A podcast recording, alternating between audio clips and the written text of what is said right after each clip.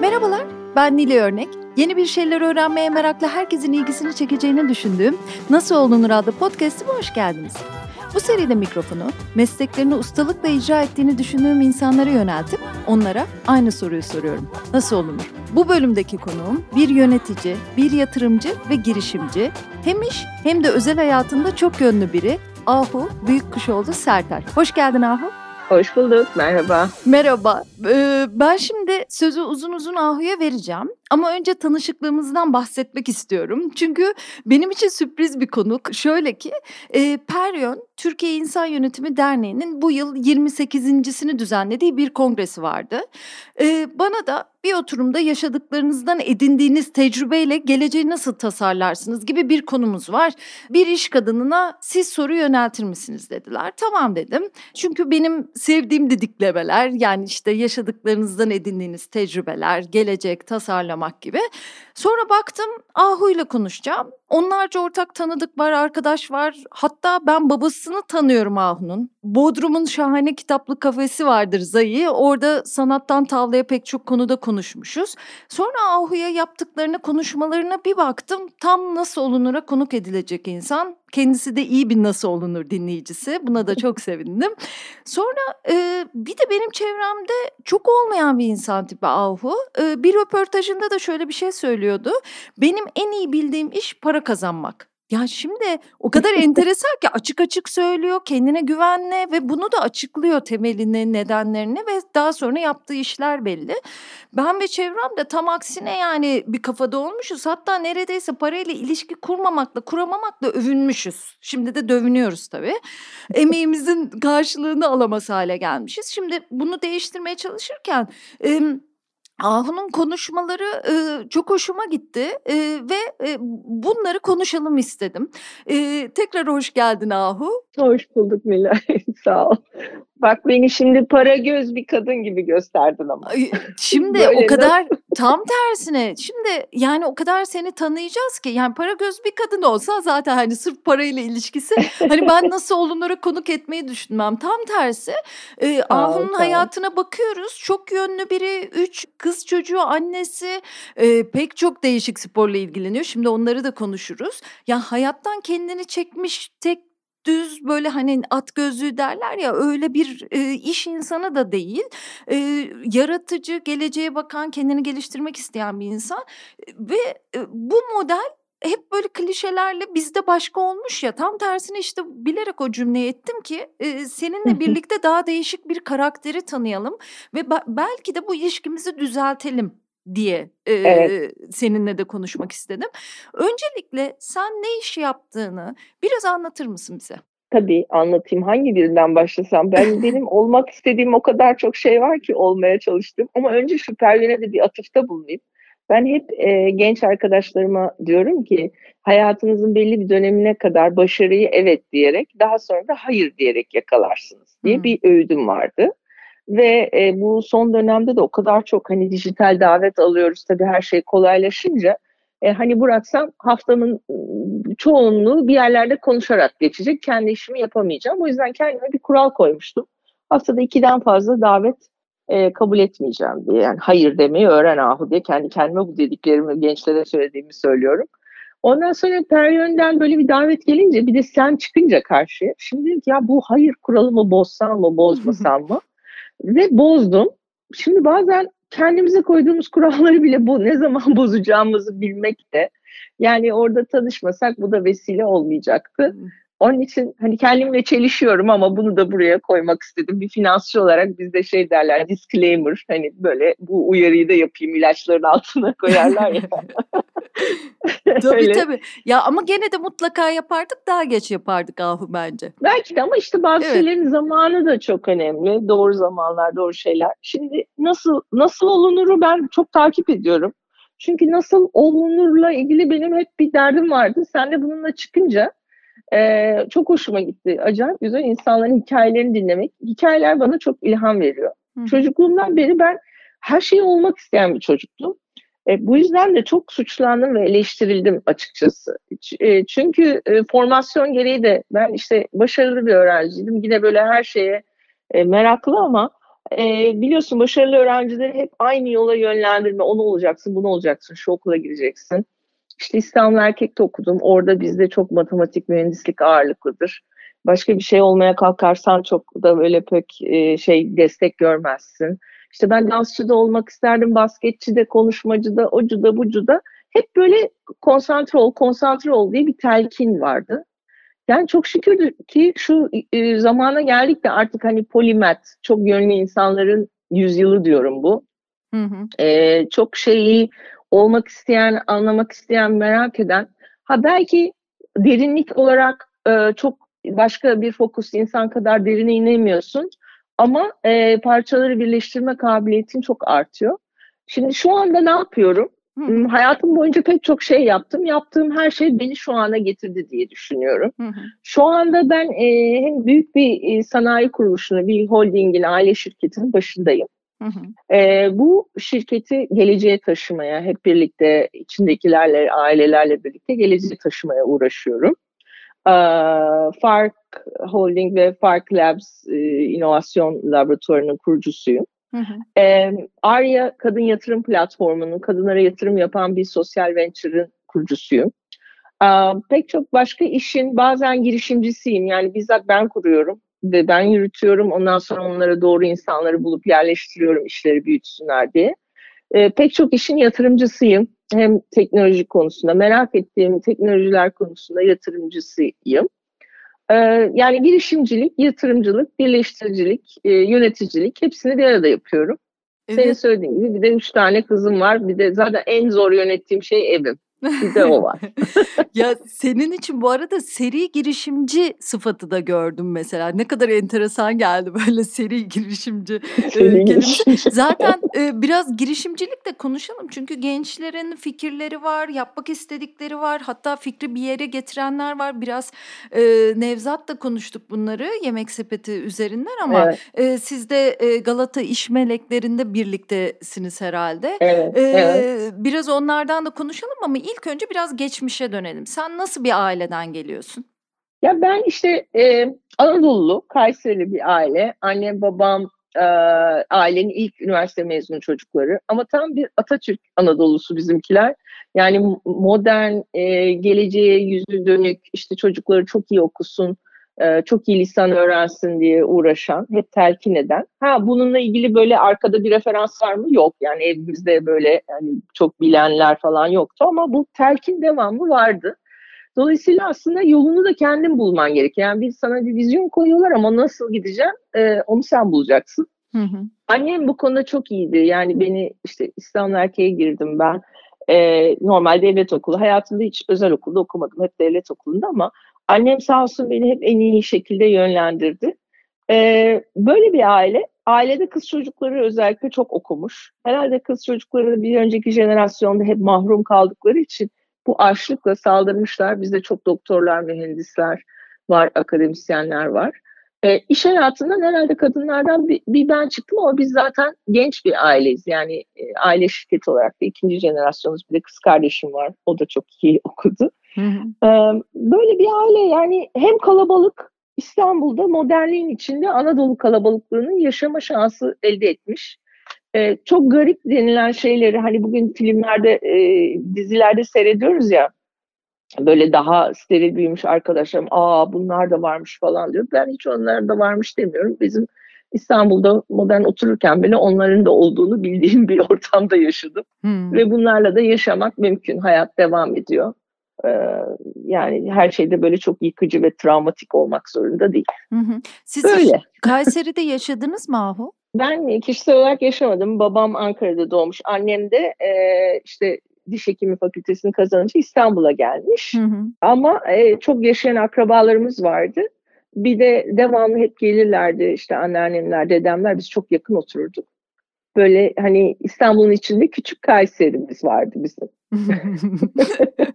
Onun için ben e, eşim dalga geçiyor benimle. Sen bir doğru düzgün Kayseri'ye gitmeyen adam ne Kayseri'yle ilgili bu kadar konuşuyorsun bilmiyorum. İçime işlemiş herhalde. Kültürde böyle bir şey. Ya, bu arada, eee, şimdi sen, eee, bir konuşmanda annenden bahsederken annen de çok, ııı, enteresan, çok önemli bir kadınmış. Eee, ondan bahsederken şöyle bir şey söylüyordun, çok iyi bir eğitim almış ama evlenince, eee, çalışmamış. Hani, çocuklarına bakmak, güzel de bir kadın, Evet. güzel bir misyon olarak görülmüş ona aile tarafından. Biraz içinde kalmış, o beni etkiledi gibi bir şey söylüyordun, değil mi? Evet, evet. Yani annem, eee, teyzem ziraat mühendisi olmuş, annem diş doktoru, eee, ve hakikaten şey bir kadındı, yani anneme hayranım. Hı hı. Eee, bu arada yaşarken devamlı kavga ettiğim bir karakterdi. Çünkü 2 tane alfa kadın, öyle Hı hayat kolay değildi ama Evet, öyle şimdi olur. baktığım yani baktığım yerden hayranım. Çünkü o zamanlarda böyle son moda kıyafetleri Chanel'den çıkmış gibi ve, eee, bu çok büyük imkânlarla olmadan her şeyi kendi dikip, kendi giyen, kendi yapan, yani vizyonu neyse onu bir de oluşturmayı bilen insan aslında. Eee, ve işte cerrah, eee, cerrahi asistanlığa başlamış ama annem de o kadar güzelmiş ki babam onu kıskanmış.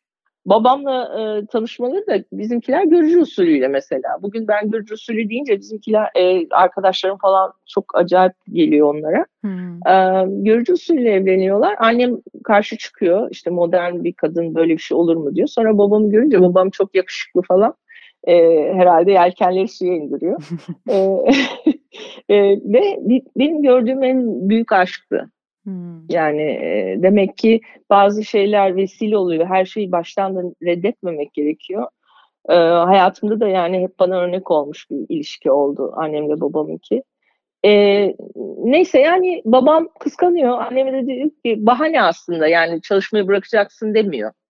Eee, işte çocuğumuz da oluyor, sen evde olsan daha iyi olur. Sonra ileride tekrar muayenehane açarız sana, iii, falan diyor. Biraz böyle bunlar güzel telkin, kandırık diyorum ben bunlara. Erkekler bunu çok yapıyor ve annem, eee, çalışmayı bırakıyor. İşte ben oldum, kardeşim benden 8,5 sene sonra oldu. Ya annem mükemmel, her yaptığı her işte hani çığır açan bir kadındı, evde de öyle. Ama yani ben şeyi gördüm, bu kadar verimli, bu kadar vizyoner insan, eee, bu ışık kullanılmadığı zaman, eee, ne kadar hani kullandırma alanı açsanız da o istediği yerde kullanamadığı için, eee, verimli insanlar yıpranıyorlar ve Hımm. ışıkları sönmeye başlıyor. Onu Hımm. gördüğüm için de annem kendime söz verdim. Yani çok seviyor da olsam, aşkından ölüyor da olsam, bu babam da olabilir, kocam da olabilir, başka biri de olabilir. İstediğim hiçbir şeyden beni, eee, geri koymayacaklar diye çok, eee, küçük yaşlarda söz verdim. Hı hı. Annem daha sonra yani işte çok büyük bir mesela Casa dell'Arte oteli, sanat oteli yaptı. Yani mimarlık yaptı, işte inşaatlar yaptı. Yapmadığı şey kalmadı ama, eee, o ilk istediklerini yapamamanın verdiği şeyi ben annemde hep hissettim, burukluğunu. Hımm. Çok güzel bir, eee, ya, vurgu o. Onun için de ben de onu dinlediğimde böyle, eee, tüylerim diken diken olmuştu. Yani sonrasında ne kadar başka işler yapsa da bir bir ışığın söndüğünü ben izledim diyordun orada mesela. Evet. Onu hissetmen de çok önemli mesela. Yani ona bakarken onu hissetmişsin. Eee, onu fark etmek de çok, ııı, önemli bir şey olmuş. Peki Evet. İstanbul Erkek Lisesi'nden sonra sen bir, eee, AFS öğrencisi olarak Amerika'ya gittin, değil mi? O sana ne sağladı?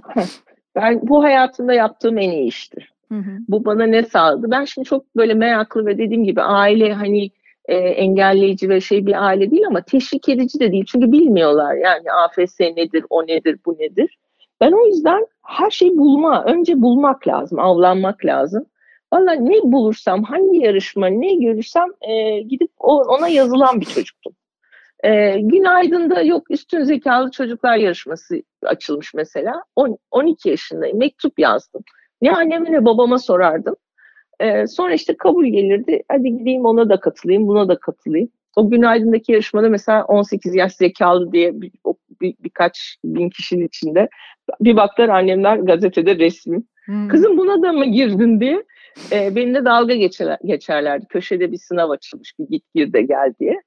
Eee, ama bunlar bana çok şey öğretiyordu. İşte AFS diye bir şey duydum Hı hı. lisede, gidiliyormuş falan. Benim gitmekle ilgili bir şeyim vardır. Benim gitmem lazım. Hep hayatım hep gitmek üzerine, hep keşfetmek. Eee, çok zor dediler sınav işte binlerce kişi içinden seçecekler, meçecekler. İşte sınava girdim, kazandım. Sonra annemlere dedim ki böyle böyle bir şey var ben kazandım eve gelecekler sizi görecekler hani kız istemek gibi. Çünkü evde şeye bakıyorlar hani böyle bir ailenin çocuğu gidip bir sene orada kendi başına yaşayabilir mi? Neyse işte geldiler ettiler. Babam günlerce ağladı. Ben nasıl bırakacağım bir de büyük çocuk. Ama sağ olsunlar yani bıraktılar. Hmm. Bu bırakmak bile bir erdem. Hani teşvik etmeye gerek yok. Hmm. Bırakmak, engel olmamak. Ve AFS ile bir yıl Amerika'ya gittim Dayton, Ohio'da. Bir Amerikalı aileyle yaşadım, öğretmen. Hmm. Bir çift ve kızları. Hmm. Hayatımdaki en güzel e, tecrübeydi. E, çünkü ait olmadığınız bir yerde, kendinizi kötü hissettiğiniz bir yerde nasıl bir şeyin parçası olabilirsiniz? E, yani kendinizi nasıl onun bir parçası haline getirirsiniz? E, pek çok yanlış da yaptım bu arada. Yani getirmemeye uğraştığım zamanlar oldu. Şimdi bu ötekileştirmenin ne olduğunu zaten o günden görüyorsun. E, çünkü gittiğin yerdeki insanların Türkiye'den gelen biriyle ilgili ön yargıları var. Senin gittiğin yerdeki insanlarla ilgili ön yargıları var. Ve bunları nasıl kırarsın? Orada hem liseye gittim, lise sona gittim. Sonra lise sonundaki dersler bana hafif gelince beni üniversite 3. sınıfta ders aldırmaya gönderdiler.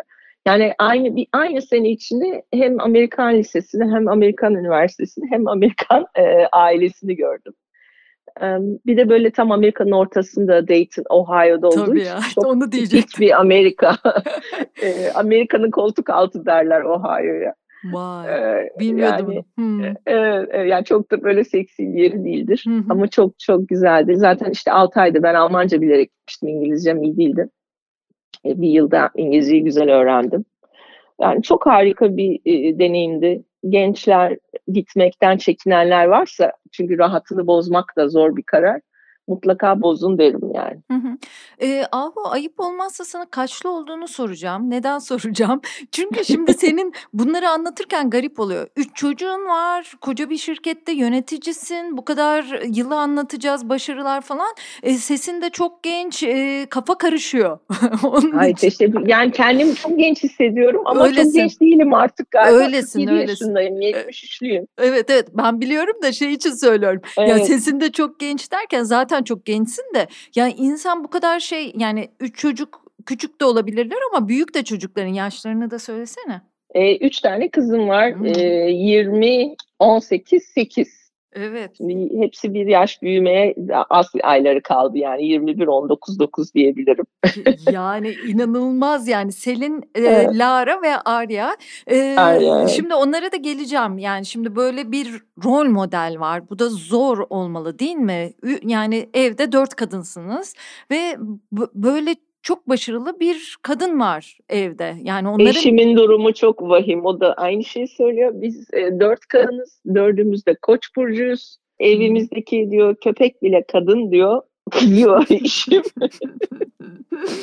ya... Ama bazı erkeklere Allah böyle bir e, ladies man diyorum ben. E, hanımlar erkeği. Böyle erkekler var dünyada. Onlar e, bunun için doğmuşlar. Sanırım ona da öyle bir şey kısmet oldu. Aslında kızlarını merak ediyorum ama eşini de sorayım. Siz ne zaman tanıştınız?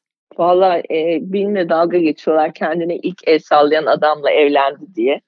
E, ben e, eşimle lise 2. sınıfta tanıştım. Bizim sınıfa geldiğinde. E, bir hafta içinde de evlenmeye karar verdim kendisiyle. Onun bundan haberi yoktu ama. Ee, evet, 10 günden beri beraberiz. Bütün eğitim bu hayatımız boyunca lise, üniversite, master hep aynı sırayı paylaştık. Aa. Ee, hmm. Evet, evet. Çok güzel bir hayatımız oldu. Birlikte büyüdük. Ee, o benim en iyi arkadaşım ee, ve şey hep beni işte aslında e, gün günde tutan, macerada tutan, e, onun doğayla ve hayatla ilişkisi çok başka işte böyle tamamlayıcı bir e, şey olunca aslında insan yılların nasıl geçtiğini anlamıyor. Ee, iyi bir seçim yapmışım ilk seferinde diyorum. Ay, maşallah da peki e, sen neye dayanarak onunla evlenmeye karar verdin bir hafta? Yani çok yakışıklı, çok şöyle, çok böyle neyine baktın? Valla çok özgündü, çok kendiydi. Hmm. Böyle kalıp insanı değildi e, eşim. Ve e, büyük bir insan gibiydi yani hayata bakışı da o zamanlarda. Ama asıl karar verme faktörüm beni e, ailesiyle tanıştırmak için bir gün evine götürdü. e, annesiyle babasıyla tanıştım. Ben babasının annesine nasıl davrandığını gördüm. Hmm.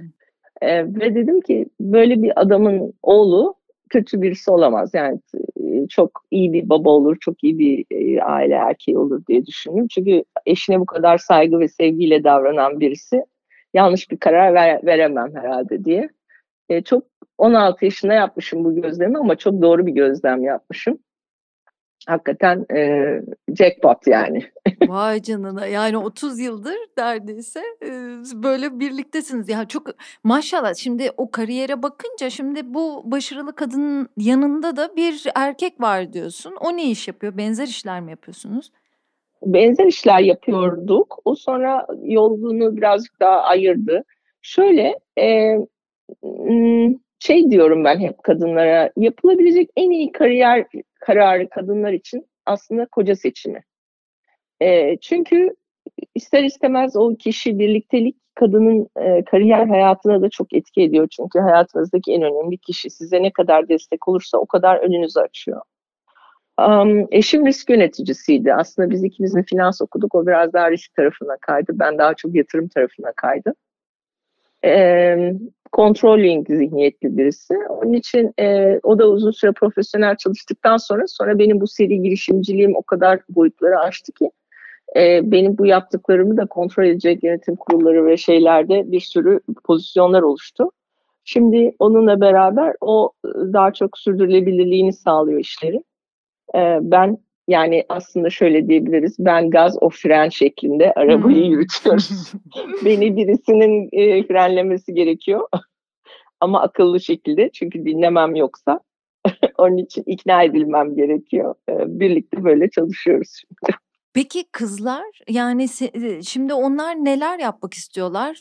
Çok başarılı anneye sahip olmak o da o da zor bir şey olmalı değil mi?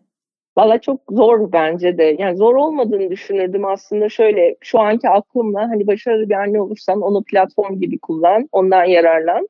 Kendi başarılarını onun üzerine inşa et gibi düşünürdüm ama gençlikte böyle olmuyor. Ben bile bir dönem işte yok babamla ilgili hiçbir şey yapmayacağım, şirkete gitmeyeceğim falan filan diye o dönem illa kendi başıma var olma bir ispat.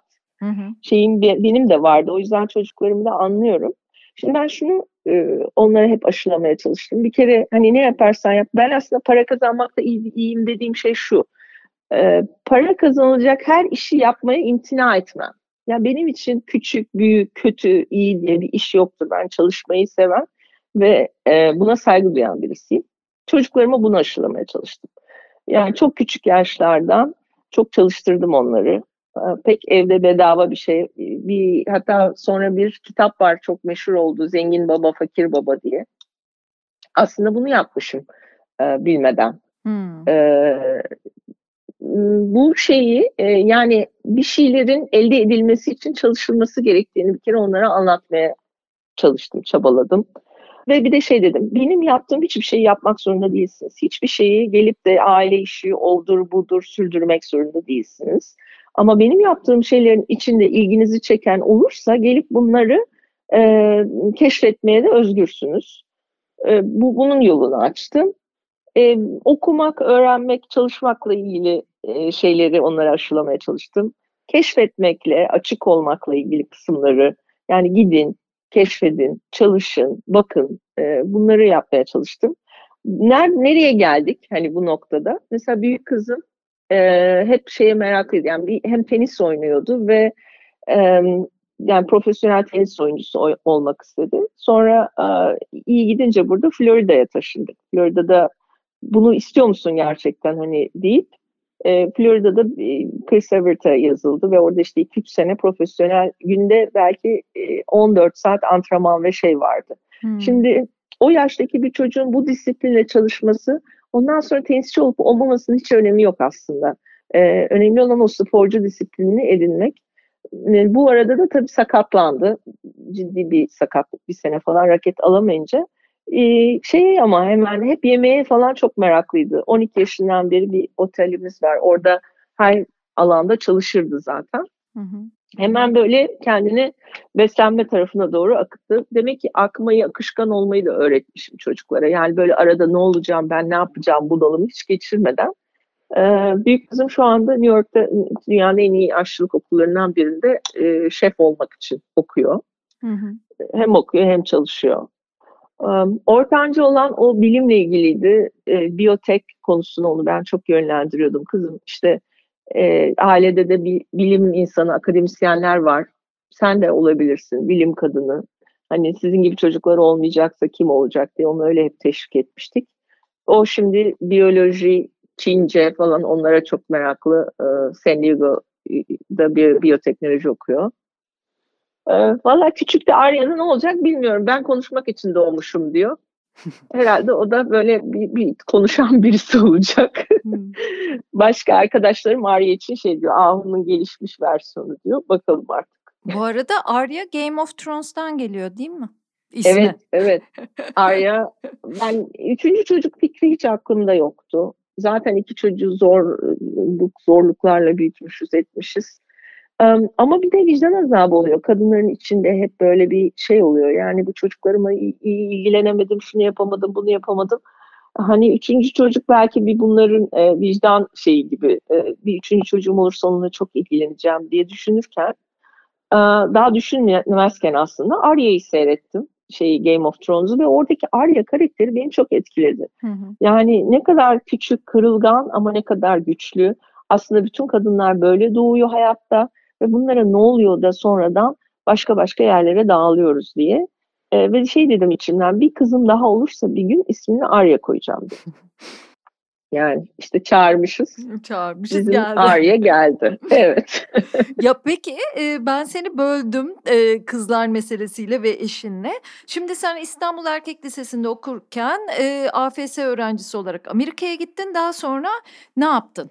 Şimdi Amerika'ya gittim. İşte orada hem üniversiteye gittim hem e, liseyi tekrar bitirdim. Zaten İstanbul Erkeği bitirmiştim. Ondan sonra e, döndüm Bilkent'i bitirdim. Eşim de oradaydı. E, Bilkent'e işte e, babam yine biz e, şey yapamayız. Sen imkanın varsa sen git dedi. Babamın hep en güzel yaptığı motivasyon bana hani ben yapamam ama sen imkanın varsa yap demekti. O yüzden imkan yaratmayı öğrendim kendime.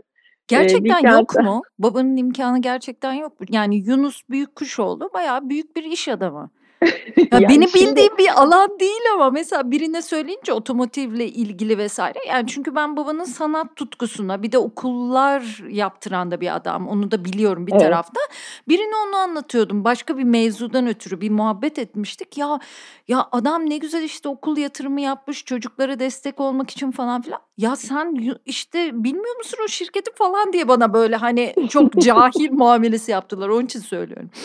Ya tabii ki şimdiki gibi olmasa da o zaman da e, babam her şeyi sıfırdan yapmış. Ve sıfırdan yapınca hep bir e, kaybetme, tutunma ve hmm. koruma duygunuz oluyor. Bir kere yani hiçbir zaman ay saçalım maçalım mentalitesi zaten hiçbir zaman yoktur. Hala da yok da bizde. E, o zamanlar da tabii daha mütevazi bir aileyiz. E, imkanı tabii ki var babamın. Ama e, e, olmayan bir şeyi yaratma kabiliyeti, yetkinliği kazanmak için olmaması gerekiyor. Hı hı. Ve bunu gerçekten hissettirmen gerekiyor. Hı hı. E, bunu ben çocuklarıma da hissettiriyorum. Yani e, Ahu Hanım'ın evinde bedava yemek yoktur diye bir şey yazıyor bizim kapıda. Çünkü çok arkadaşları yazları gelir ve onlarla anlaşmamız şudur. Herkes bir görev, bir yerde çalışacaksa bir şey ben onları hepsini bir yerlere koyarım, çalıştırırım. Hmm. E, böyleyse kamp gibi bizim evde bir sürü genç olur. E, çok da gurur duyuyorum ki çocuklarımın arkadaşları hani benimle çalışıp 2-3 sene hep yazları falan e, çok güzel hayat tecrübeleri kazandılar. E, dolayısıyla ben de bunu babamdan öğrendim. E, vardı tabii ki ama e, yokmuş gibi yaptı ve bunu çok inandırıcı yapardı. Ben gerçekten çok olmadığını yani e, göndermeyeceğini bilirdim. Hmm. E, o yüzden o imkanı kendim yaratmak zorundaydım. İşte Bilkent'te burslu okudum eşimle beraber tekrar. İşletme okudun değil mi? İşletme okudum, evet. Orada da yine babamla bir çatışmamız oldu. Çünkü ben iyi bir öğrenciydim. İşte çok güzel teklifler geliyor çok yüksek paraya. İşte babam diyor ki biz onları veremeyiz falan. Neyse birkaç ay gittim bu o yüksek teklifli işlerde birazcık çalıştım. Baktım ki yani para değil konu aslında e, doğru yerde olmak. Sonra biraz da aile işini deneyeyim dedim. İşte bir iki senede e, tekrar bizim şirkette o zaman çok daha küçük çaplı avcılarda bir fabrikamız vardı. Orada iki yıl çalıştım. E, fakat şunu düşündüm, yani bu mudur? Yani aile işine gireceksin, hayatın bütün universe'ün sonu bu mu? Her şeyi burada bitip burada başlayıp burada bittiğini düşüneceksin. Bir kere böyle bir problem var. İkincisi, sen patronun kızısın. Şunu bilmiyorsun, sen patronun kızı olduğu için sana yer açtılar yoksa gerçekten bir, bir işe yarar mısın? Hı hı. Yani insanın e, zaten bunu insanlar sana yeterince hissettiriyorlar hayat boyu. Babam bile hissettirirdi de. E, ama asıl içerideki şüphe çok önemli. Dolayısıyla aile şirketlerinde çalışan insanların mutlaka bir dışarı çıkıp kendi e, öz değerlerini ölçmeleri gerekiyor. Hmm. Ne yapabilirler, ne yapamazlar. Ben de e, işte MBA'ye gideyim, e, Amerika'ya gideyim, bir yurt dışı tecrübem olsun. Babam tabii yine ben, ben şey yapamam, imkan yani sağlayamam. Sen istiyorsan yap dedi. İşte ben de belki daha iyi üniversitelere gidebilirdim ama bir tane üniversite bana Wall Street'te işte her şeyinde bir şey oluyor. Ona çok inanıyorum yani kısmet. Wall Street'in içinde bir üniversite bana full burs verdi. Hem de asistanlık verdi. Yani ayda 750 dolar para bir de full e, şey e, işte okul. E, güzel. Ondan sonra evet. E, Mert'e de verdiler. Biz ikimiz pılımız pırtımız topladık New York'a taşındık. Tabii ayda 750 dolarla New York'ta geçinemeyeceğini e, orada anladık. Hı hı. E, asistanlığın yanı sıra ben iki iş daha yapmaya başladım. E, orada bir hem çocuk bakıcılığı yapıyordum hem bir restoranda telefonla sipariş alıyordum. Kızgın Wall Street brokerlarından yani 30 saniyede bir yemek siparişi vermek isteyen ve anlamadığın zaman seni haşlayan. Dolayısıyla e, mesela telefonda hani sipariş almayı öğrenmek bana ileride e, Wall Street'teki trading hayatımda çok şey kattı diyebilirim. Yani e, inanılmaz hızlı anlaşmak ve e, execute etmek bir order'ı. Aslında yemek order'ıyla hisse senedi order'ı arasında çok da bir fark yok. E, ondan sonra e, bir de bir fonda da e, bedava internship yapıyordum ki sonradan bana bir şey olsun diye. İşte böyle e, hakikaten o filmlerde gördüğümüz New York hayatı devamlı 360 derece tekerleği döndürmeye çalıştığım bir hayat. Bir 4-5 sene e, bu arayışçılığım ve vazgeçmeme şeyim orada çok faydalı oldu bana. Çok da şey öğrendim. Çünkü e, şimdi e, yabancı öğrenciysen da anlatmak istiyorum çünkü başka genç arkadaşlarımıza da örnek olsun. Hı hı, lütfen. Şimdi yabancı öğrenciyken şey değil, bir yıllık e, mezun olduktan sonra bir yıllık çalışma hakkım var Amerika'da ama kimse e, yabancı öğrenci işe almak istemiyor. Vizeyle vizeyle uğraşmak istemiyor. E, bizim işte de trader olmak için Series 7 diye bir e, çok zor bir sınav var 7 saat süren. E, bu 7 saati e, şey yapmak için de bir şirketin seni sponsor etmesi lazım. E, yani yumurta mı tavuk tavuk mu yumurta? Ben New York Times'daki bütün e, pazar günkü ilanlara başvururdum. Klasik başvurmayı zaten hani sevdiğim için. E, hepsine giderdim. Arkadaşlarım derdi ki bana Türk arkadaş, ya ne yapıyorsun sen zaten yabancısın seni almayacaklar. Ya olsun tecrübe oluyor diye. E, bir gün yine böyle bir interview işte Series 7'a yetiştirilecek elemanlar arıyoruz. Ben gittim böyle saatlerce bize interview yaptılar. Böyle bin kişinin arasından ilk 20 bir tane tek kadın ben. Böyle aynı o Wall Street filmlerindeki gibi İpek Röpte şamburlu İtalyan böyle e, ukala bana hani hani diyen tatlım diyen bir adam. Bir tane beni seçtiler. Bizi 6 hafta eğittiler. Ee, işte geldim ben arkadaşlarıma dedim ki orada da komün gibi yaşıyoruz böyle friends gibi Türk arkadaşlar bir arada. Ya dediler seni nasıl kabul ettiler falan işte yabancı olduğunu e dedim sormadılar ki. Yani e, hmm. bazen e, sormadılar sen yabancı mısın diye. E, ben de yalan söylemek zorunda kalmadım. Beni eğittiler. Girdim sınava. Sınavı geçtim. E, ve broker olarak orada sertifikayı kazandığınız zaman her yerde iş bulma imkanı artıyor.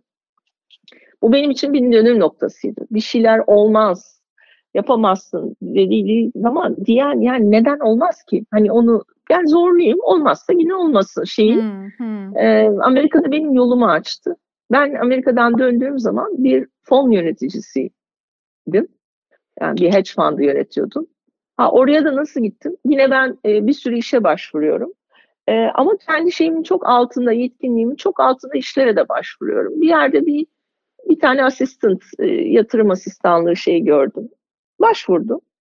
Oradan bana e, bir tane Türk kadın aradı. Allah Allah ben dedi Melike Ayan, Melikeciğim kulakları çınlasın. Şimdi de Bloomberg'den e, haberler veriyor bize Wall Street'te hala. Dedi ki sen dedi bu şeyin çok daha üstündesin dedi. Ne işin var bu işle? Ay dedim önemli değil. Ben deliyim, iş olsun, yapayım, edeyim. E, Melike sağ olsun beni çok daha e, kualifikasyonu iyi olan bir işle tanıştırdı. E, ve orada başladım. Ondan sonra da işte e, hedge fund yöneticiliğine kadar gittim. Şimdi e, burada da şeyi anlatmak istiyorum. Bazen ben e, bana gelen insanlar için çok fazla uğraşıyorum. E, doğru insanlar için e, emek ver, veriyorum ki onlar aslında bu istediklerinden daha iyi şeylere kavuşabilsinler diye. E, aynı Melike'nin örneğindeki gibi bazen sizi çok yormayacak bir hareket bir başka insanın hayatında çok önemli e, yol kat etmesine e, yol açabiliyor. Kesinlikle. Ve bunlar çok kıymetli. Hayata değer katmak asıl böyle bir şey. E, o yüzden ben de bunu hep kendim için vesile edindim. Yani işte Amerika işi böyle. Ha, döndüğümde kendime ne ispatlamış oldum dersen.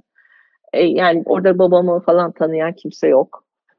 Kendi kendime demek ki sıfırdan. Bu arada iki de çocuk yaptık arada. E, şimdi sağ olsun yani Mert de süper. E, ben okurken o çocuğa baktı. Arkadaşlarımız baktı. Hiçbir şeyde kendimize sorun etmedik. Evet çok mütevazi, zor bir hayattı ama hayatımızın en güzel yıllarıydı. Sonra iki çocuğumuzu da aldık. 11 Eylül olayları oldu. 11 Eylül Amerika'da bence çok şey önemli bir milestone'du yani. Hmm, 11 Eylül'den noktası. sonra hı hı. evet dönüm noktasıydı. Dedik artık tamam dönme zamanı geldi. Çünkü kendi değerini anladıktan sonra bir işe girmek o yüzden kadınlara da çok bunu önemseyerek anlatıyorum.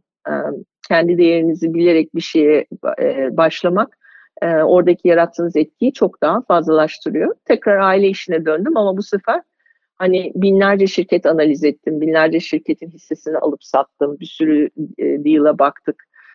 ondan sonra kendi şirketime bakışım çok daha gelişmiş, çok daha bilinçli olarak dönmüş oldum.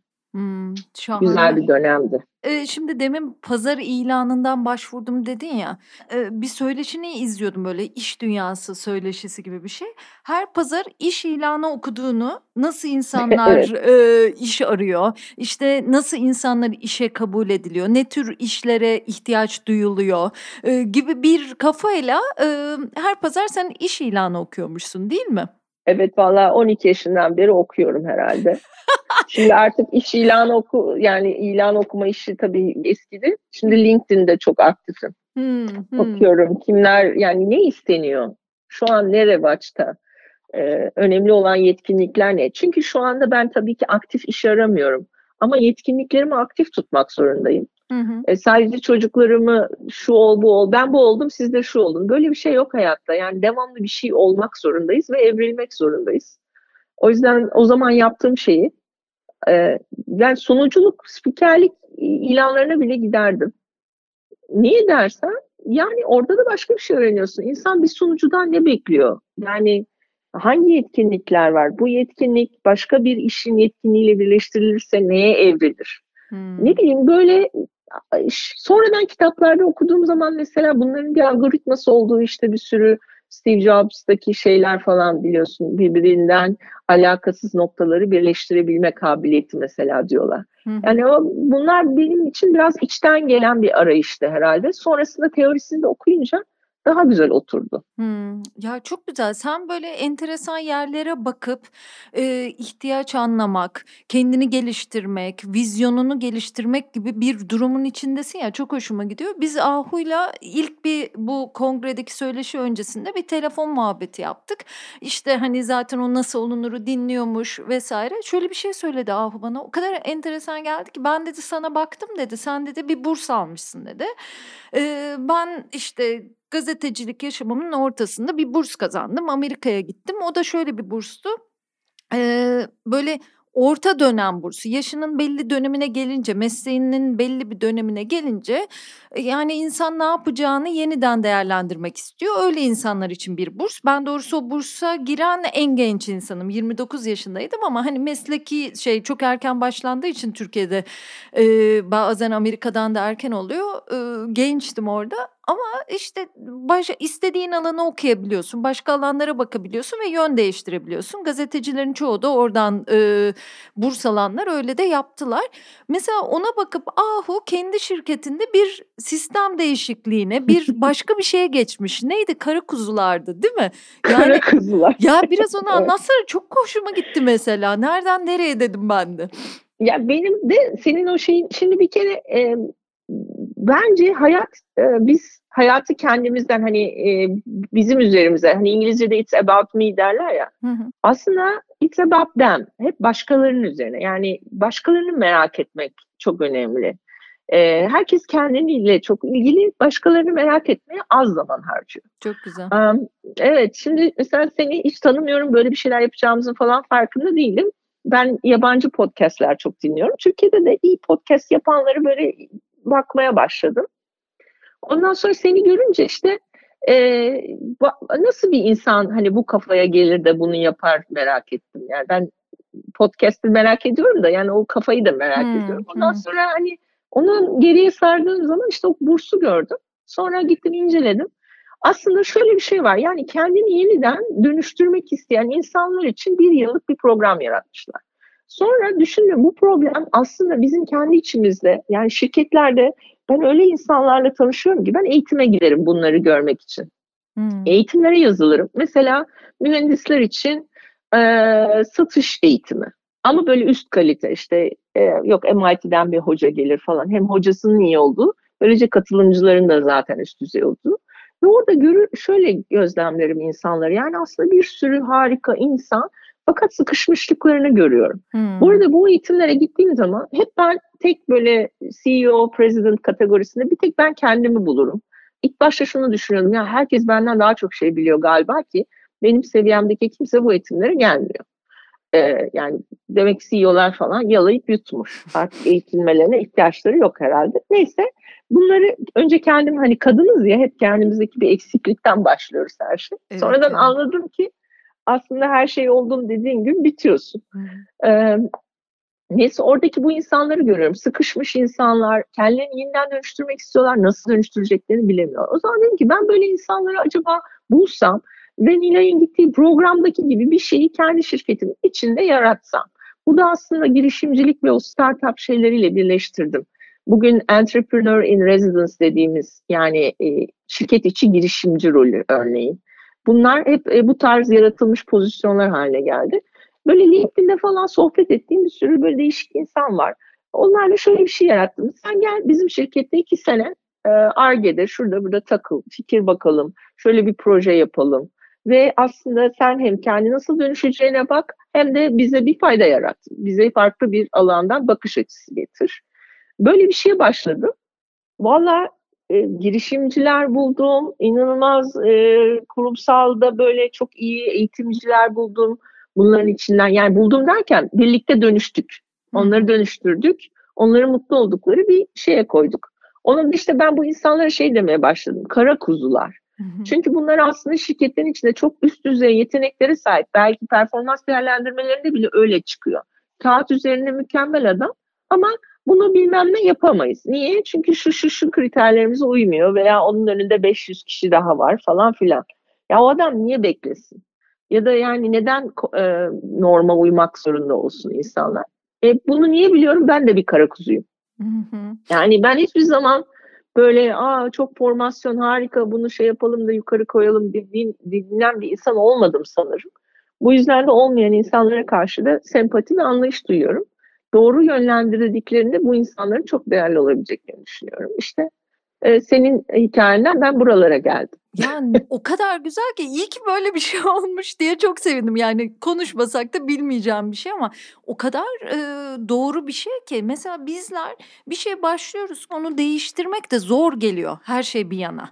Kendimiz o işte artık yıllar geçtikçe iyi de olabiliriz ama başka yeteneklerimiz var. Olmak istediğimiz, yapmak istediğimiz şeyler var. Bir dur diyemiyoruz hayatın ekonomik şartları içerisinde. Hele de bir aile sorumluluğu üstümüzde varsa ya da sosyal bir takım baskılar olabilir. Bir sene e, durup da başka bir şeye bakayım diyemiyorsun. Mesela ben e, Ahu şey yapmak istemiştim. E, gap year diye bir şey vardır ya Amerika'da. Evet. İşte mesela evet. üniversiteden mezun olursun. E, öğrenciler bir yıl gezerler. Dünyayı tanırlar. Amerika'da işte o dediğim bursa gittiğimde dört gençle aynı evi paylaştım. Hı hı. Kocaman bir ev. Hepimizin neredeyse daire gibi bir odası var. O gençler şahane de hepsi bilgisayar mühendisi okuyan işte ikisi vegan falan tiplerde. Onlar mesela okulu bitirdiler e, ve e, dünyayı gezerken Türkiye'de geldiler mesela. O kadar hoşuma gitti hı hı. ki yaptıkları. Biz işte bir şeylere başlıyoruz. E, çünkü sonradan iş bulamama korkumuz var. Sonra evet. dönüyorlar. Şimdi Türkiye'de işsizlik de çok oluyor ya çok kalifiye insanlar işsiz kalıyor. Ve o dönemde keşke dedim bir şirketim olsa o şirket şöyle bir iş yapsa. Yani bu gap year gibi e, belli bir işte tam o bursun bana yaptığı gibi 25-30 yaş arası olabilirsin. 30-35 de olabilir daha da büyük olabilir. Bu insanları bir yıllık çeşitli yetenekler kazandıracak işler. Mesela işsiz kaldım. Fransa'ya gideyim. Üzüm toplayayım bir bağda. Yani hem Fransızca öğreneyim hem o Tabii. üzümle bir ilişki kurayım. Bir şirket buna aracılık etsin. Benim yeteneklerime ya da isteklerime uygun bana bir Doğru. şey bulsun. Mesela bu bu işi yapmayı çok istemiştim. Bir dönem... Aslında şimdi var bunlar. Work and travel var. Mesela ben yine e, üniversiteden sonra Isaac diye bir daha çok mühendislik öğrencilerinin olduğu. Senin dediğin gibi gidiyorsun ve orada çalışıyorsun, işte buluyorlar sana. Genellikle yaş sınırı vardı benim gördüklerimde zamanında. Şimdi belki değişmiştir. Hmm. Bir yerden sonra yaşlı sayılıyorsun ya. Ama aslında evet. o yaşlar da değişti ve mesleki bir Çok doğru. takım Çok şeylerin doğru. olabilir, birikimin olabilir. Şöyle de düşünmeye başladım. Aslında orta kariyer dönüşümleri çok daha değerli olabiliyor. Çünkü uzun zamanınızı e, sizin normalde iyi olmayacağınız yetkinlikleri geliştirmeye çalışmakla harcıyorsunuz. Orada çok iyileşiyorsunuz. Sonra ben ona şey diyorum hani ayağını yere basan, e, gözü yıldızlarda olan girişimci.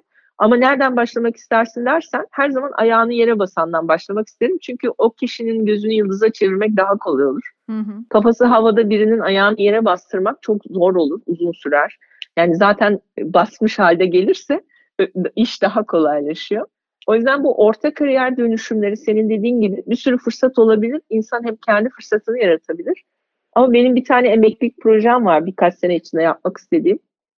Ben bu dönüştürmeyle ilgili çok şey olduğum için hani kafam e, şey böyle bir kreatif bir kolektif e, kurup farklı farklı insanlar yetkinliklerden oluşacak. Örneğin kötü bir binayı da dönüştürelim veya Gana'da bir köyü de dönüştürelim. E, bir grup gidelim e, ve bu core grup giderken yanımıza da e, bu dönüşüm projesinin içinde yer almak isteyen gençler veya orta işte kariyer arası insanlar falan da bizimle gelsin. Ve onlar da aslında bir dönüşüm parçası nasıl olunur bunu e, deneyimlesinler.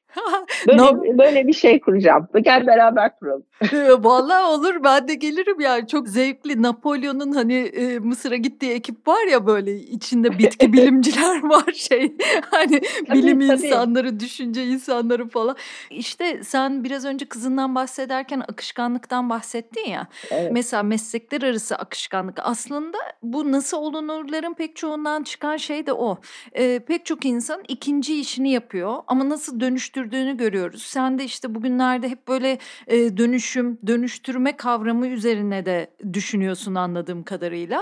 E, işte evet. her şey birbirine dönüşüyor. Bu arada sen e, maratoncusun motorcusun, yoga, Eski dans, kürek var değil mi? Aerobik var, neler neler var. Şimdi hala Vallahi işte evet hmm, diyorum ya o kadar çok şey olmaya çalıştım ki ben hmm. olimpiyat atleti de olmak isterdim. O da bu da. Sonra baktım hepsini zaten olamayınca. E, ya dedim ben bunları kendi çapımda olayım. Yani en azından deneyimlerini yaşayayım. İşte maraton öyle bir 2005'te Berlin maratonunu koştum. Sonra bir maraton da yani toplam iki maraton koştum. Ama yetiyor yani tamam anladım çok güzel. Hani maratonun felsefesini de anlıyorsun ve bunu hayatına e, uyarlamanın bir yolunu da buluyorsun. Ee, çok farklı şeyler yaptım. Yani ya, ayrı bir kocalığı yaptım ben Bilkent'te okurken. Ee, o zaman e, Bilkent'in içine spor merkezi açılmıştı Sports International. Yine her şeye başvurmayı sevdiğim için yetiştirecek ayrı bir kocaları arıyoruz dediler. Ee, ben de başvurdum. E, seçtiler. Ee, orada aerobik yaparken Coca-Cola bir şey düzenledi. Atlanta Olimpiyatlarında olimpiyat meşalesini taşıyacak Üç tane genç, iki erkek, bir kız arıyoruz dediler. İşte yine ona başvurmuştum. Herkes benimle dalga geçti seni niye seçsinler diye. Ee, seçtiler. ee, gittim Atlanta'da şey o olimpiyatlarda meşaleyi taşıdım falan.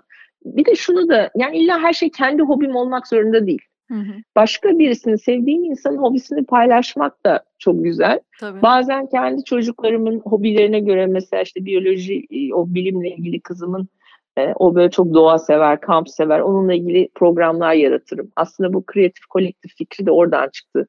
Yani aslında insanlar çocuklarıyla bir şey yapmak istiyor. Onların ilgi alanlarını ama onu nasıl tasarlayacaklarını bilemiyorlar. Hı hı. Kızlarımla falan o kadar çok böyle değişik aktiviteler yapıyoruz ki e, buna biraz alıştım. E, human design diye bir şey var. E, böyle yine merak esnasında bulduğum. Aslında her insanın bir öz, özsel bir tasarımı olduğunu söylüyor. Yani mesela ben jeneratör insanmışım. Ee, bir de manifesting jeneratörler var. Yani hem manifest ediyor bir şeyi e, yani bunu yapacağım diyor. Ondan sonra da yapıyor. Hmm, tamam. Hmm. Bazen bunu yaptığım da oluyor ama o nasıl bulunuyordu da, Ahu? Numaralar o, falan doğum, çıkartıyorlardı Evet evet doğum tarihini falan giriyorsun. Yani çok enteresan. Benim çok hoşuma gidiyor ve hani işte de çok kullanıyorum bu arada. Birbirimize e, dizaynları uyumlu ekip kurmak da çok önemli. Şu anda hani İK felsefesinde de çok kullanılan bir şey. Hmm. Şunu anladım ben kendimle ilgili. Benden çıkmak zorunda değil. Karşı, başka birisinden de bir şey çıkabilir ve onu jenere etmek de aynı şekilde keyifli. Hı hı. Yapanı olmak. İşte eşim çok motor seviyor e, ve çok iyi yapıyor bunu. Çok güveniyorum ve onunla beraber biz e, 30 yaşlarımızda başladık herhalde. E, Japonya, Avustralya, Afrika, e, üç kere Türkiye'den İtalya'ya gittik. Yani e, her yeri gezdik hemen hemen. O benden şu anda çok daha aktif geziyor. Benim zamanım çok olmuyor ama e, mutlaka her sene yapıyoruz. Yani geçen sene Marsilya'dan başlayıp Lisbon'a gittik. Motoru orada bıraktık. Bu yaz gidip e, Fas'a kadar devam edecektik. E, maalesef pandemi oldu. Şimdi bakacağız. Vallahi çok güzel. Peki bir de sanatla ilginiz var ailece. Sanat anne babadan geliyor. Hı hı. Onlar yani annem dediğim gibi acayip vizyoner. Bizim normalde aklımızda olmayan şeyleri aklımıza sokan kadın. İşte o manifestördü. Hı hı. Babam çok akıllı bir adam olarak e, böyle bir kadının varlığı ona tabii ışık oldu. E, annemi e, sevgiyle takip eder, desteklerdi. Onlar beraber daha kimse sanatla Türkiye'de ilgilenmezken doğru düzgün bir çok da paraları olmazken az paralarını e, gidip sanatçı stüdyolarından işte e, hem sanatçıları tanıyıp onlarla dost olup hem işte iş alıp koleksiyon yapmayla başlıyorlar. Şu günde yani herhalde Türkiye'nin en büyük e, Türk sanat koleksiyonlarından bir tanesine sahip olduk. Şu an yapmaya kalksak yapamazdık. Hı hı. E, ama o zamanlar başlandığı için çok yol alınmış. E, sanatı paylaşmakla ilgili her zaman bir şeyim vardı annemin de babamın da. Bu vizyondan Casa dell'Arte doğdu.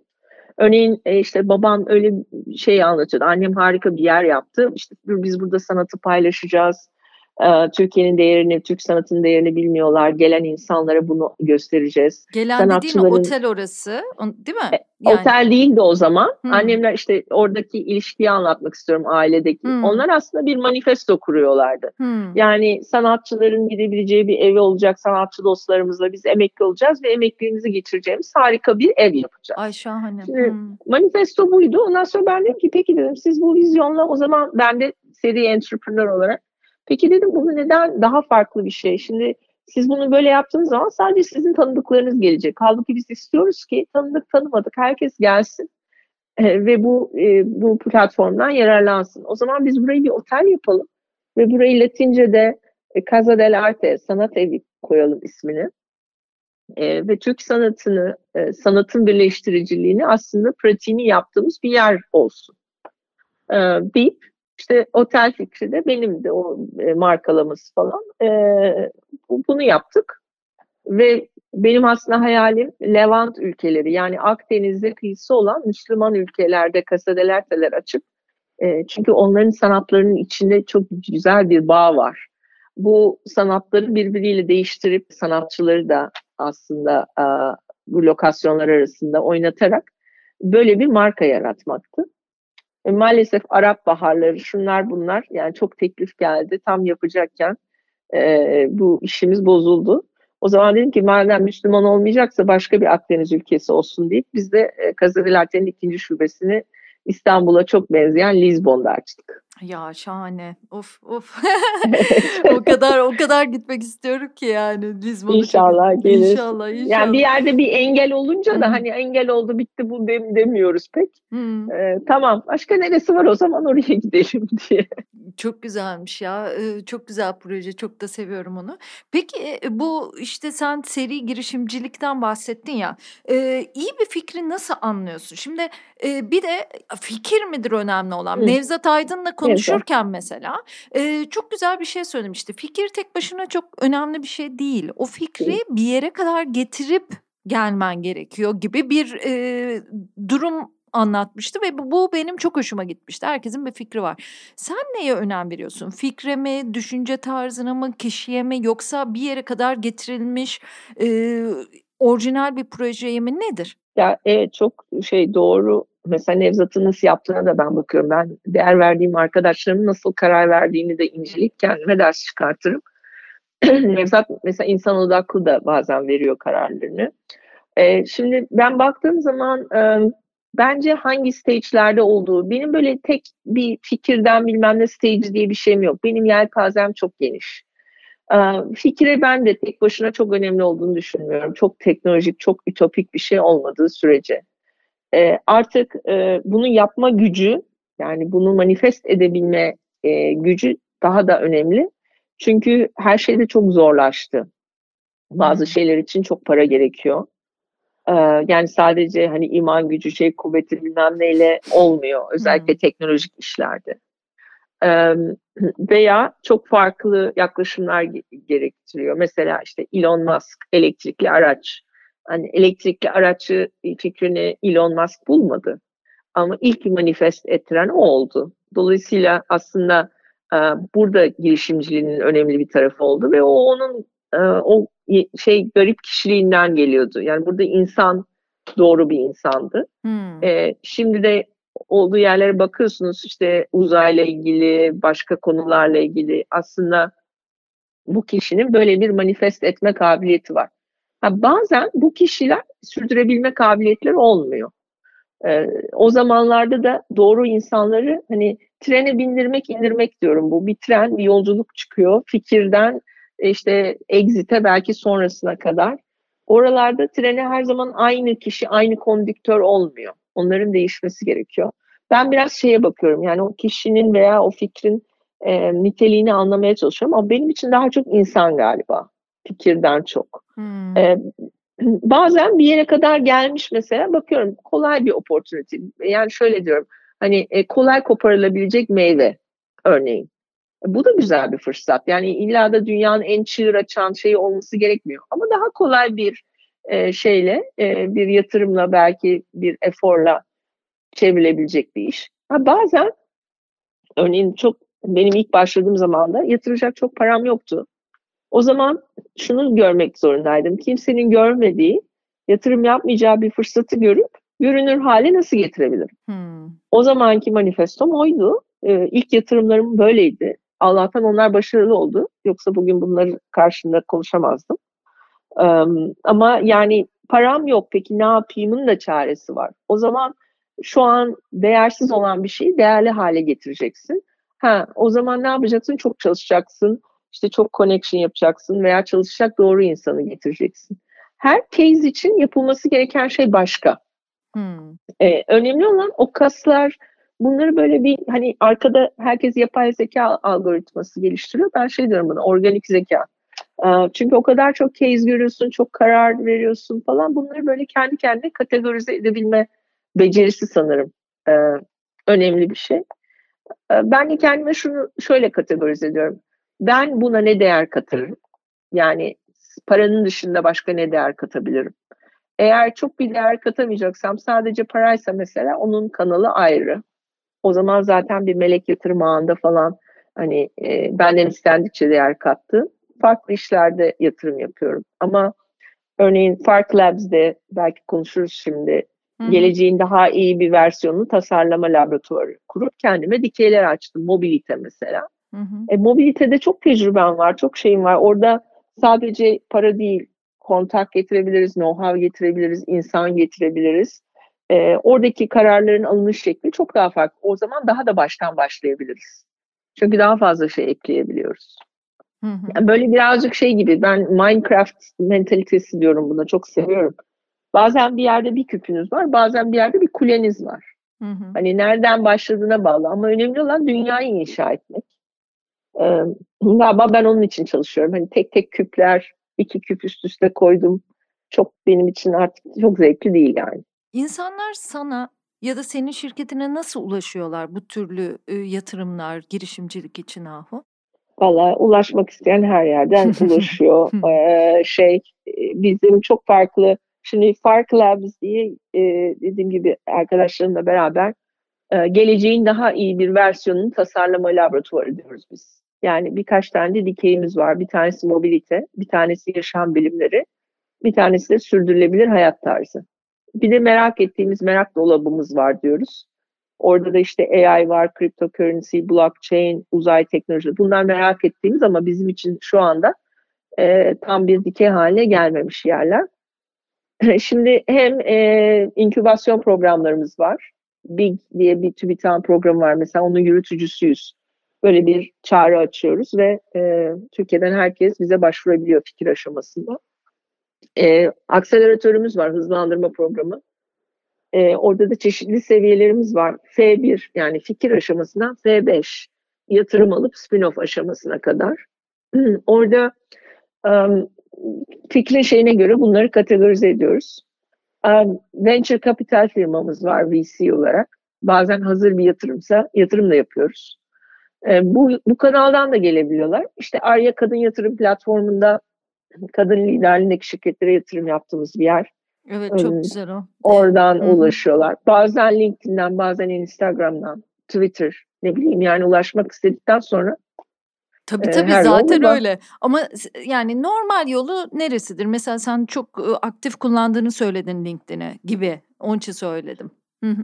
Ya şimdi LinkedIn'de tabii o an benim yaptığım bir şeye çok hitap eden ve çok doğru yazılmış mesajlar geliyor.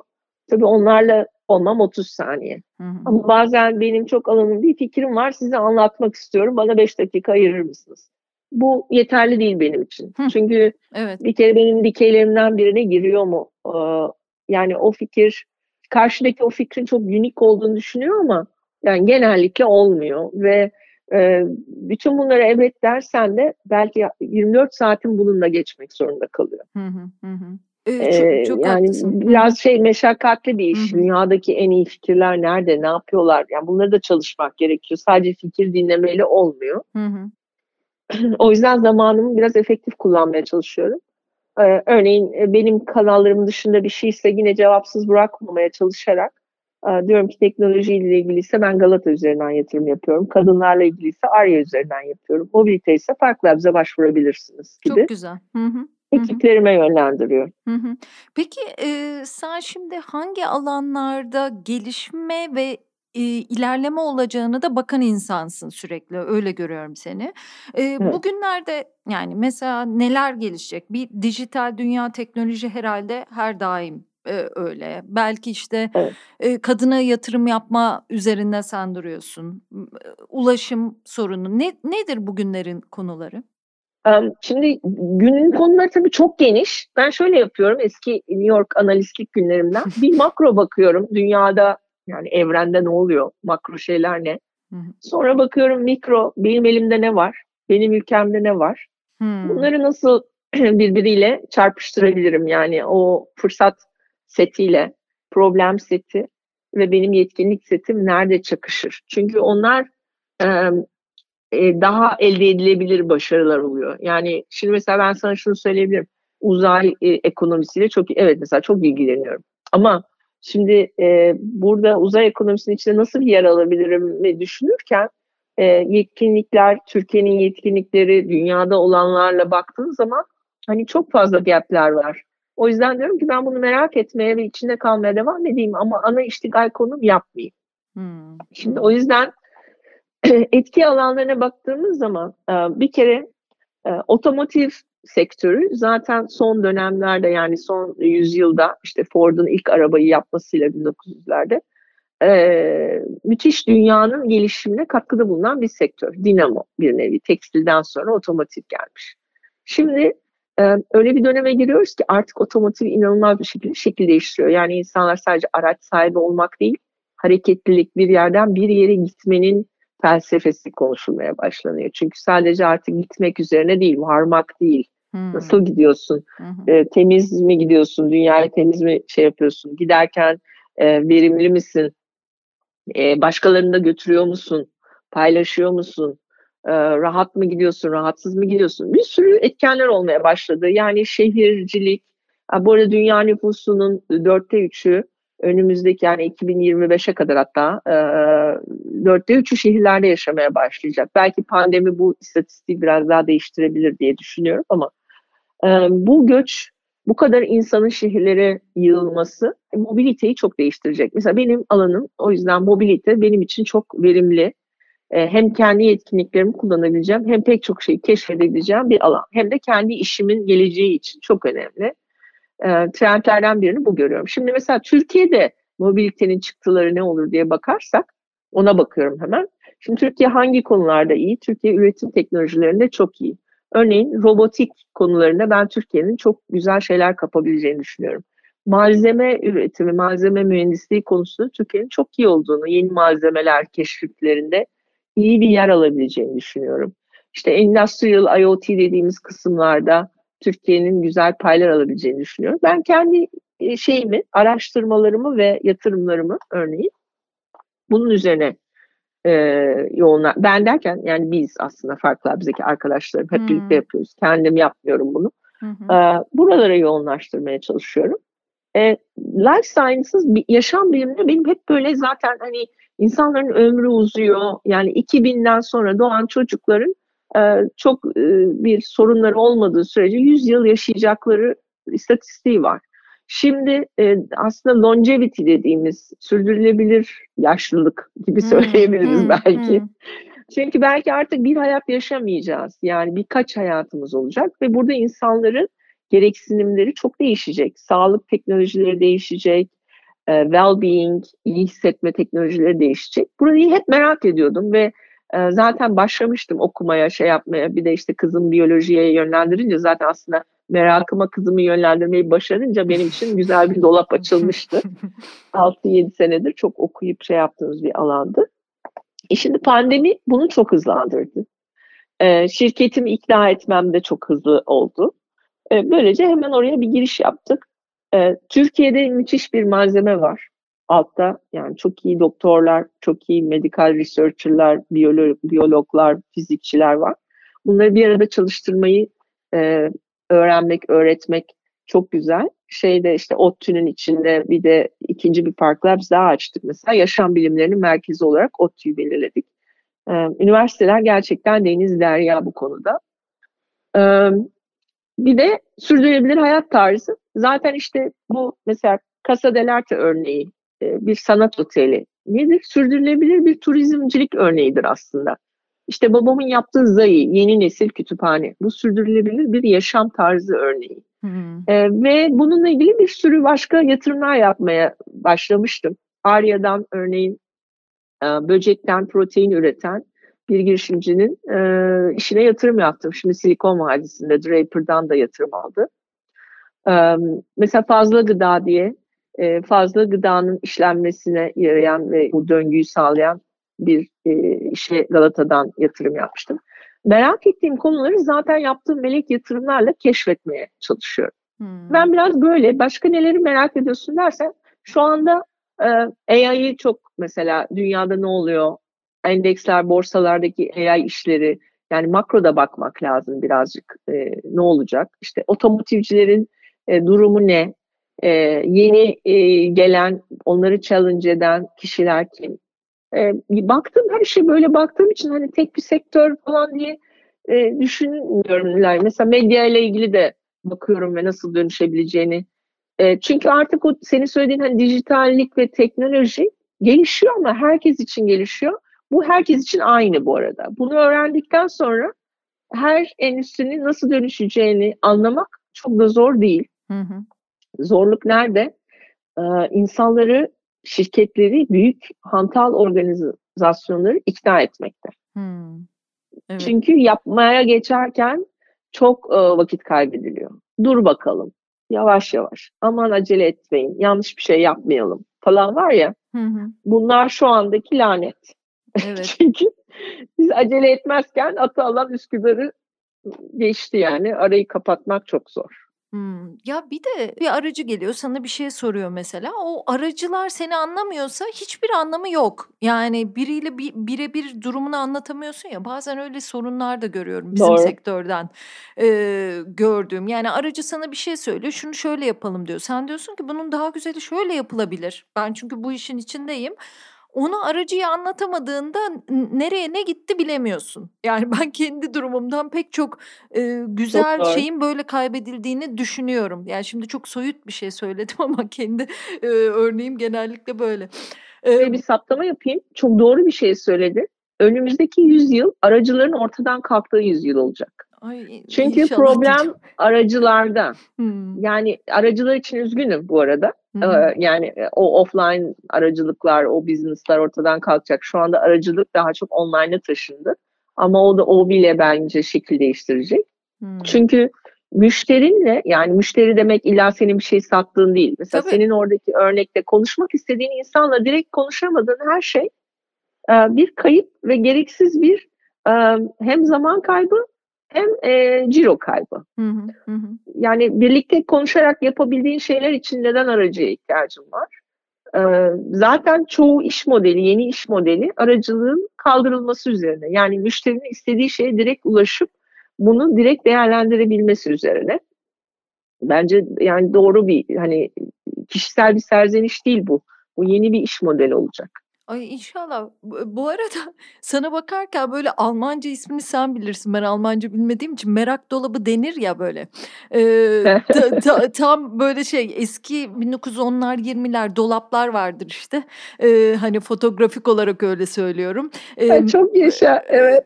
ta tam Evet. öyle bir şey gördüm Bunun yani sen bunun anlatırken. sunumunu anlatırken, eee, bizim designer arkadaşımıza onun title'ını da Better Future Designer diye değiştirdik. Daha iyi gelecek tasarımcısı. Şimdi ben kafamdakileri böyle bir sürü tasarımcı, işte mühendis arkadaşlarımla çalışıyorum genç. Onu anlatırken şimdi şöyle, şimdi dedim hani anneannelerinizin böyle kahverengi, bizim o zamanlar hiç sevmediğimiz dolapları olur ya dedim. Bunlar hiç açılmaz, içinde ıvır kıvır biblolar olur falan böyle. E, şimdi bana böyle bakıyorlar çünkü bu insanlar hani 2000 doğumlu falan. Ne diyor bu kadın diye. Ama tam böyle şey hani, eee, mesela doğa tarihi müzelerinde falan görürsün. Böyle eski bazı kitapların içinde vardır işte bir dönem bitkiler vardır, orada kuru kafalar vardır, birtakım kemikler vardır.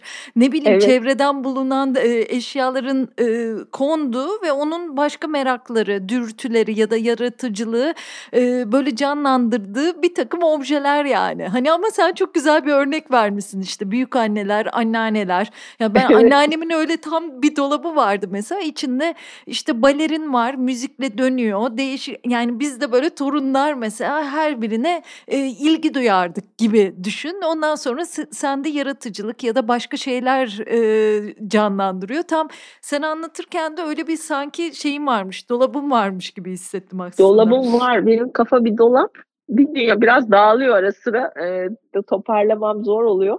Şey, eee, daha sonra Damien Hirst, eee, Curiosity Cabinet diye bir iş yaptı. Hımm, Ünlü doğru. sanatçı Hı ve milyon dolarlara hani sattı. Hı. Aslında aynen mantığı da bu. Yani o anneannelerimizin dolabı sonra Damien Hirst bunu bir, eee, sanat akımı haline getirdi. Eee, aslında benim kafada da mesela bir fikir geliyor bazen veya bir fikir gelişiyor. Bakıyorum o insanlar o fikri yapacak durumda değil veya benim kafama bir fikir geliyor ama benim ona vaktim ve şu anda yani ne işin var a bununla diyorum. Onu dolabımda bir yere kaldırıyorum. Sonra bir gün o fikri hayata geçirebilecek 2 tane insanla tanışıyorum. "A!" diyorum, "Benim dolapta şu fikir vardı. Size bu fikri vereyim, siz de bunu yapın." mesela. Eee, bunu yapmak çok hoşuma gidiyor. O dolap Hımm. devamlı karışık ama arada böyle düzenleniyor. Raflar, bir raf düzene giriyor. Eee, hı. bundan rahatsız olmamak bence. Şimdi bakıyorum başka insanlar bu eee, insanların kafadaki bu dağınıklıklar onları rahatsız ediyor. Beni Hımm. rahatsız etmiyor. Benim Hı. organize kaos diyorum ben buna. Eee, dengelemek falan niyetinde de değilim. Hani e, yani işte dengeli yaşam nasıl? Dengeli yaşam diye bir şey yok maalesef. E, akışlı yaşam var. O an size nereye akmak mutlu ediyorsa, tatmin ediyorsa e, o tarafa doğru akmak gerekiyor. Ha tabii bir de yapmak zorunda olduğumuz işler var. E onları da mümkün olduğunca e, hoşumuza giden hale getirmek lazım o zaman. Tabii. Yani benim benim dolabım felsefesi aşağı yukarı böyle. ya aynen bir de o dediğin gibi dağınıklıklardan bir gün mutlaka bir şey çıktığını yıllar sonra fark ediyorsun. Bende de öyle oluyor. Yani Evet. Peki evet. sana soracağım klasik soruyu. Aslında hiçbir zaman oldum dememeli diyeceksin. Biliyorum bunu ama e, nasıl olunur? Nasıl e, daha iyi birer iş insanı oluruz, iş kadını oluruz? Nasıl daha iyi birer insan oluruz? Kendimizi nasıl geliştiririz? Bütün bunları kapsayan bir soru aslında. Nasıl para kazanırızı da arada böyle. ya böyle zaten para geliyor işte. Evet Hiç bence zaman, de öyle. E, nasıl tutkuyla, merakla, paylaşımla, güvenle, e, söylediğini yapmakla olunur galiba. Ben çok akıllı, çok şey falan bir insan değilim. Yani bir sürü kötü tarafım var.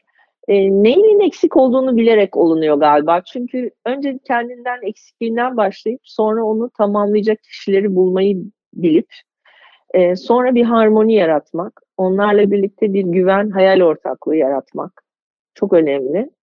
E, ama ben şöyle bir feedback alıyorum. Benimle ilgili söylediğini yapar. Yani bir gün benim böyle çok afaki e, hayal diye anlattığım şeylerin bile olacağına inandırmak, kredibilitesini oluşturmak tabii kolay değil. Ama e, söylediğini yapan insan olmak bence herhalde hayattaki e, en önemli erdem. Hı hı. Çünkü çok küçük şeylerle başlıyor ve sonra çok büyük şeylere de uyarlanabiliyor. E, amaçlı yaşamak, hep bir vizyonu ve amacı olmak çok önemli ve bunu çok gençken koymak. E, ne olmak, gençler hep şey anlıyor, nereden bileyim ne olacağımı. Hayır, nasıl bir hayat yaşamak istediğini, nasıl hayatının nasıl olmasını istediğini önden manifesto yapmak. E, sonra bu e, bu tasvire uymayan şeylerden de e, uzak durmak. Aslında fokus demek bu olmalı hayatta. Hmm. E, yani fokus fokus diyoruz biz işe fokus, ona fokus, buna fokus ama hayatımızı nasıl yaşamak istediğimizden fokusumuzu kaydırıyoruz başka şeylere. Ee, nasıl olur? Böyle olur. Yine ka- kaotik bir cevap oldu ama. Yok yok çok güzel oldu. Belki işte başta söylediğim şeye ben geri döneyim. Ee, mesela sana bakarken onu da gördüm. Yani bizler ya biraz da işte sol tandans bir aileden gelmekle ilgili, onların öğretisiyle ilgili bazen parayla ilişki kurmanın kötü bir şey olduğunu yani para kazanan insan ya da zengin insan kötüdür gibi kafamızda kodlamalar oluyor işte. hani Türk filmi öğretisi gibi. Aslında emeğinin karşılığını almak da hiç de kötü bir şey değil. Belki bunu da kodlamak gerekiyor. E, işte e, seninle ilgili söylemek istediğim aslında şey hani dedin ya para göz gibi oldum ama yok alakası yok tam da bu. Bir de sen insana yatırım yapmak, kadına yatırım yapmak, eşitleyici tarafta olmak hep bunların üstünde duruyorsun. Dönüştürücü nasıl olunur? İşte sürekli birilerine bakan bir insansın. Yani konumun ne olursa olsun bu nasıl olunur, nasıl yapılır merak eden bir insansın. E bir de mesela işte ben Yönetici de olsam gelecek stajyerin, eee, böyle özgeçmişine, neler yaptığına mesela, eee, bakardım. Sen de böyle bakan, kim ne yapıyor öğrenmek isteyen bir insansın. Bunu da sana bakınca önemli görüyorum. Eee, işte sanatla böyle yoğrulmuş olmak da aslında insana bir güzellik katıyor. Spor da, eee, söz konusu olabilir Evet. senin için bakınca. Eee, her şeyi birbirine bağlamak ve, eee, aslında, eee, onlardan faydalanmak da güzel. Sen işte, eee, eşinden, onun hobilerinden ya da kızlarından, onların getirdiklerinden de faydalanmışsın. Bunu da görüyorum. Herhalde sen zamanı da e, doğru kullanmayı bir şekilde yıllar içerisinde öğrenmiş bir insansındır e, diye de düşündüm. İşte evetler ve hayırlar, e, doğru yerde onları söyleyebilmek de önemli diye düşündüm sana bakınca. Ben de bunları ekleyeyim olur mu? Valla sen benden daha güzel anlattın. Evet zaman ve enerji meselesi çok önemli. Ee, orada da şey bizim fabrikada mesela bir kapasite planlaması yapılır. Yüzde yüz makineyi yüzde yüz çalıştırmak ama tabii hiçbir zaman yüzde yüzü bulamayız. Bir kere Almanlarla bir toplantıda şunu demişlerdi. Biz kapasite planımızı %120'ye planlıyoruz. Zaten o zaman ancak 100'e yaklaşabiliyoruz demişlerdi. hmm. Ben kendi hayatımı aslında böyle biraz over kapasite planlıyorum. Evet işte bazen işte hiç durmuyorsun falan diye eleştiri de aldığım oluyor ama e, hayattan verim almak çok önemli. Çünkü bir tane hayatımız var. Hele bir, yani benim gibi çok yap, bir şeyler yapmak isteyen bir insansan da bunlara yer açmak durumundayız. O yüzden e, tabii ki enerjik doğmak çok güzel. Yani çok şükrediyorum enerjisiyle doğmuş bir insanım ama kapasite planlaması yapmak da çok önemli. Sen çok güzel anlattın valla benden daha iyi söyledin. E, herkesi merak etmek. Yani herkesi bir fırsat olarak görmek aslında. Bence çok şey. Yani genç bir insanda, bir stajyerde benim için herkes bir fırsat. Bir de e, konformist olmamak. Bugün e, güzel denilen şeyi ya ama niye şu çirkinde bir güzellik aramıyoruz diye biraz contrary olmak. Çünkü e, herkesin gittiği yoldan giderek başarılı olmak aslında sadece trene ortasından sonra binmek demek. Ama bir şeyleri dönüştürmek istiyorsanız başkaları bakmadığı zaman bir şeyleri görmek kabiliyetini geliştirmek zorundasınız. Hmm. Ben de bunu tersine düşünerek şey yapıyorum. Para ile ilişkim şunu düşünmüştüm. Yani dünyadaki en büyük benim yapmak istediğim şeyleri yapmama, bu kuvveti sağlamama gerekecek currency nedir para birim? Para. Yani önce bunu yapayım ki diğer şeylere kısmet olsun. Parayı böyle görünce özellikle kadınlara bunu söylüyorum. Çünkü kadınlar parayı şey olarak görmüyorlar. Hani hep kötü bir şey ama benim ilgim olması falan. Hayır. Kadınlar dünyayı daha iyi yapmak için gelmişler. Kadınlar müthiş bir fırsat. Bu fırsat dünyada yeterince kullanılmıyor. O yüzden özellikle parayla ilişkisi olabilen, parası olan, bu kuvveti olan kadınlar bu kuvveti daha iyi kullanmayı öğrenmek zorunda. Bununla barışmak zorunda ki dünyayı dönüştürebilelim. Ben buna inanıyorum. Yani parayla yapabileceğim şeyleri hayal ediyorum. Parayı değil. Ve hayal ettiğim şeyler de gidip başka e, diğer e, şey e, hem cins olmayanlarımız gibi hani yat, kat, futbol takımı falan değil. E, eğitimi nasıl e, güçlendirebiliriz? İşte insanlara nasıl daha dokunabiliriz? Ailemi nasıl daha iyi yapabilirim? Kadınlar önce bunu düşünüyor. O yüzden e, kadınların parayla ilişkisinin iyi olması çok önemli. Çünkü harcayacağımız yerler e, daha efektif. Ben parayı bu yüzden seviyorum. Herkese de bunun için tavsiye ediyorum. Şahane oldu, şahane oldu vallahi ya. Çok yükseldin, güzel gidiyor. Evet. Yürü be ahu diye bağıracağım. Yok, şimdi senin yürümen lazım bunun üzerine. E, tabii tabii benim yürümem lazım ama e, inşallah geleceğim e, Park Labs'e böyle çok da merak da ediyorum ya. Yani gerçekten orada olmak istiyorum. Beni heyecanlandırıyor yani okudukça ettikçe. E, böyle içinde de olmak istediğim bir yer oldu. İnşallah oralarda bir araya geliriz. E, birlikte de bir şeyler yapabiliriz ederiz. E, çok isterim Ahu. Valla bekliyorum herkesi. E, bu podcast'i inşallah sayende de sesimi duyuracağım. Böyle bir güzel bir kanal da açıldı. Böyle hisseden herkese de kapımız açık. Bunlar çünkü anlatılmaz yaşanır. Ee, bizim yaşantımızdan en ufak bir kesit başka birisine örnek olsa zaten hani yeterli. Evet ya şahane söyledin. Peki nasıl bitirelim Ahu? Bir tane hayatımız var e, hayat başkalarının hayatını, başkalarının hayallerini yaşamak için çok kısa. Herkes kendi hayatının, kendi hayalinin peşinden gitsin. Kimsenin ışığınızı söndürmesine izin vermeyin. E, kendi ışığınızı kendiniz yaratıp takip edin. Işığınızı hep dinç tutacak, etkin tutacak insanları da etrafınıza sıralayın. E, güzel hayal ortaklarıyla hayallerinizdeki gibi bir hayat yaşayın derim. Wow. yani valla şair oldu Ahu ya. Çok teşekkür ederim. Yayın Vallahi, da enteresandı. Sen de enteresan bir karaktersin. Hoşuma gidiyor yani zihin açıcı seninle konuşmak. Farklı bir vizyon. Ee, katıldığın için de gerçekten teşekkür ediyorum. İyi ki varsın. İyi ki de e, anlatıyorsun. Ben çok teşekkür ediyorum. Seni de takip etmeye devam edeceğim. Hayal ortaklarımdan biri olman dileğiyle. Çok teşekkürler. İnşallah. Çok sağ ol. Çok teşekkür ederim abi.